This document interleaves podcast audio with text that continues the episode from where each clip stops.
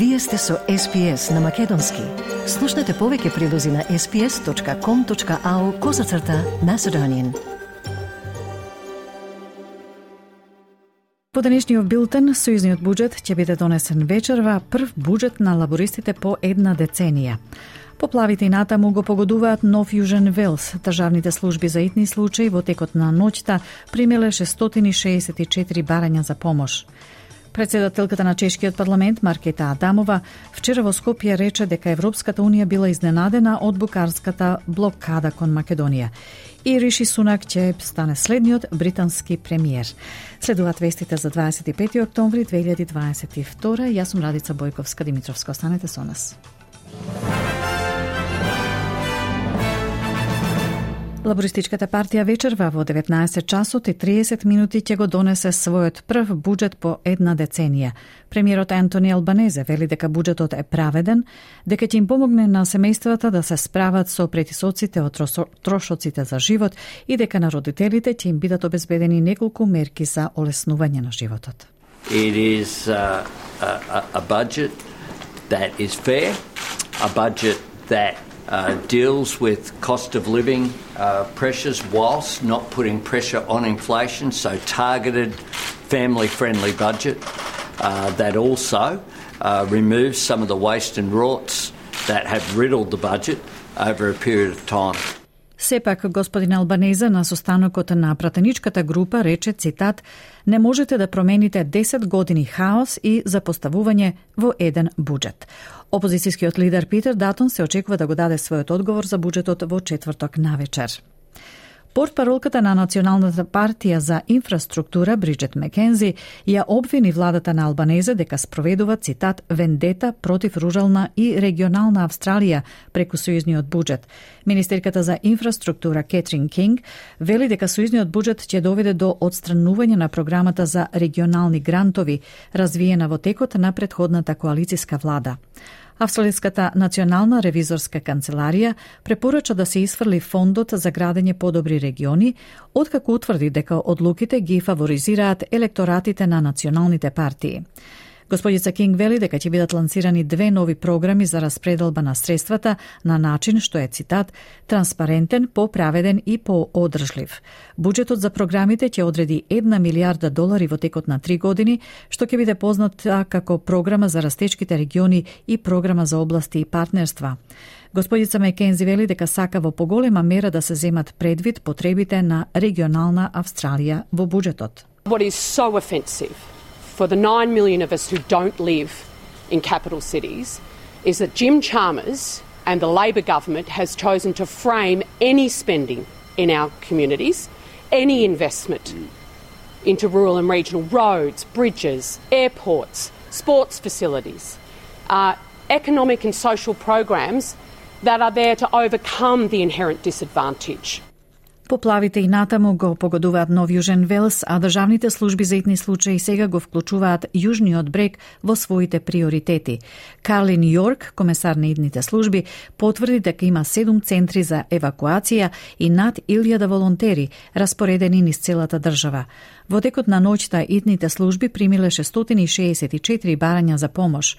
Комесарката Јорка ги подсети членовите на заедницата да бидат предпазливи и особено да избегнуваат да возат низ поплавени места. So it is disappointing that the SES and our partner agencies are continually asked to go out and rescue people who are making a poor decision to drive through floodwaters.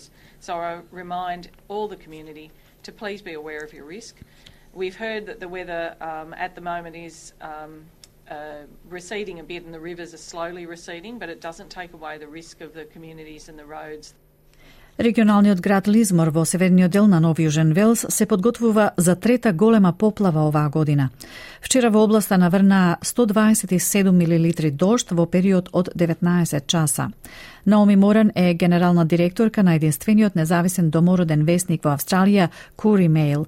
Таа вели дека заедницата се уште се опоравува од последните две поплави. And certainly that's a key word is rebuilding. You know, how, how do people rebuild after uh, this major event that happened in February, then again in March, uh, you know, and now preparing for potential, uh, you know, floodwaters to come back into the region. People are still struggling to find a home, to settle, uh, to recover in their own way, uh, you know, with their families and as a community as a whole. Во меѓувреме премиерот на Нов Јужен Велс, Доминик Перуте, денеска е во обиколка на регионалните области погодени од поплавите. Министерот за здравство на Нов Јужен Велс, Бред Хазард, изјави дека по три децении во парламентот ќе се повлече од политиката на државните избори следната година. По 32 години како член на Уейхерс, Ден Хазард објави дека нема да се кандидира за реизбор во март, наведувајќи дека е време за нов почеток. Тој имаше неколку портфолија и беше забележан по тоа што служеше како министер за здравство за време на пандемијата. Хазард ги опиша неговите 6 години како министер за здравство како цитат најдобро време и најлошо време. Нов извештај на Истражувачкиот институт на фондацијата Сканлон бара поголема мултикултурна застапеност во австралиската политика. Истражувањето насловено Не можеш да бидеш она што не можеш да го видиш, ги идентификуваше бариерите што ги спречуваат мигрантите да стигнат до владени позиции, вклучувајќи јазик, образование и недостиг на професионални мрежи и ресурси.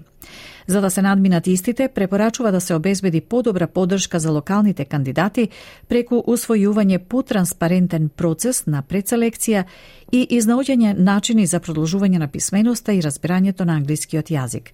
47-миот парламент на Австралија е најмултикултурен досега но сепак процентот на застапени лица од неевропско или домородно потекло е сосема мал.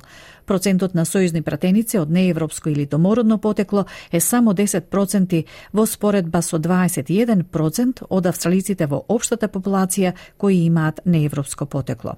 Овој податок е врз основа на податоците од пописот од 2016 година. Председателката на Чешкиот парламент Маркета Адамова на брифинг со новинарите и представници од граѓанскиот сектор во Скопје рече дека уставни измени ќе бидат направени затоа што во Македонија има волја за промена на уставот и вметнување на бугарите во него.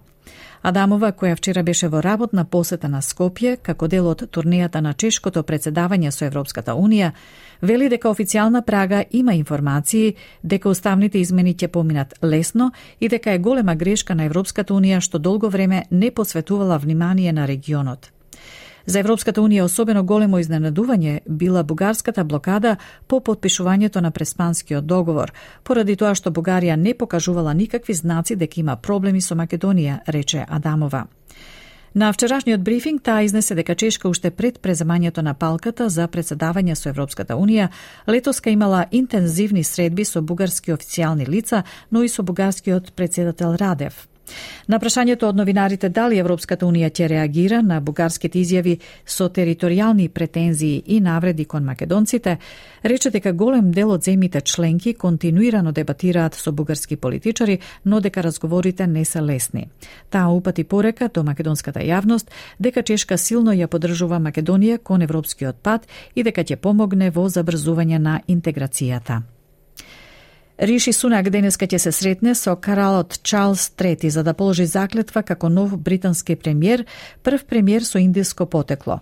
Поранешниот благаник ја наследува Ли Страст на функцијата, станувајќи лидер на конзервативната партија без гласање, откако неговата единствена против кандидатка Пени Мордаунд се повлече од трката. За земајќи ја позицијата како трет премиер за помалку од два месеци, господин Сунак, кој се соочува со низа тешки економски предизвици, вети дека повторно ќе ја обедини својата распадната партија. Алан Уегер, истражувачки соработник во Кралскиот коледж во Лондон, вели дека првата задача на господин gospodin Sunak će biti da destabilizira britanskite pazare. He comes into, into office as not a particularly popular prime minister, but with a reputation for some semblance of economic competence. The problem will be is he is seen as someone that's not broadly on the side of people. He's seen as someone that's broadly out of touch. And that's the sort of political challenge he faces, having to come up with something that unites the Conservative Party and that sees him as, seen as someone that's sort of in touch with people's concerns. Шведска се подготвува за прием во НАТО додека се формира нов кабинет. Тобиас Билстром од Централно-десничарската умерена партија е новиот министр за надворешни работи во широката коалиција која вклучува националистичка партија. По руската инвазија на Украина, Шведска се одлучи да и се приклучи на алијансата, ставејќи крај на двовековната неутралност. Господин Билстром, коментирајќи го патот на неговата земја кон пристапување и потребната рекалибрација на војниот и одбрамбен систем на Шведска во алијансата, рече дека со ограничени ресурси треба да се донесуваат одлуки за тоа каде е најдобро да се стават и дека нордиските земји, Балтичките земји и Европската Унија ќе бидат трите страни на кои ќе се заснова шведската рекалибрација. And with limited resources, you also have to make decisions about where to put your resources. And the Nordic countries, the Baltic countries, and the European Union will be the three legs which we will base the, the, these, this uh, recalibration on. Во Кенија е убиен, е убиен познат пакистански новинар од страна на полицијата. 50 годишниот Аршад Шариф бил застрелан кога полицијата отворила оган врз неговиот автомобил затоа што наводно возел низ безбедностна блокада во близина на главниот град Најроби. Шариф го напуштил Пакистан во август, откако добил закани по неговиот живот, а неговата точна локација, дури и неговата земја на живење, досега не била позната. Во Пакистан тој бил познат на неговиот поотворен по неговите отворени критики кон владата. Околностите за смртта на Шариф предизвикаа големо незадоволство во Пакистан, што доведе до организирани протести, откако беше објавено дека полицијата во Кенија испукала во автомобилот девет пати и го погодила новинарот во глава. Овој демонстрант објаснува дека господин Шариф се соочувал со повеќе закони по неговиот живот во Пакистан. Sheikh Sharif uh, was facing very serious uh, life threats in Pakistan because he was uh, one of the best and award-winning uh, investigative journalists, and uh, he had uh, penned down those details about the life threats which he was facing in Pakistan.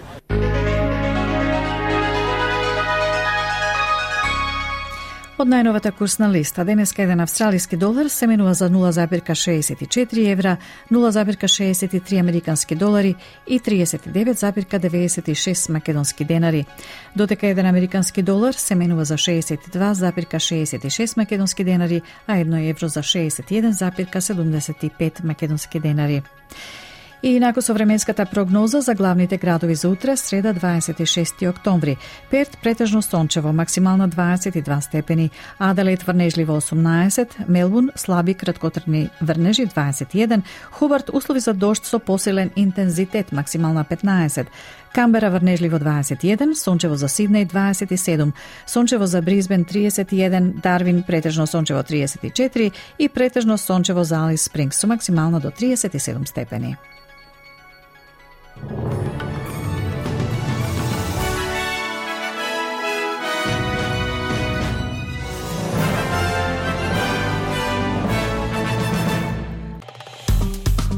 Стиснете, ми се допаѓа, споделете, коментирајте. Следете ја SPS на Македонски на Facebook.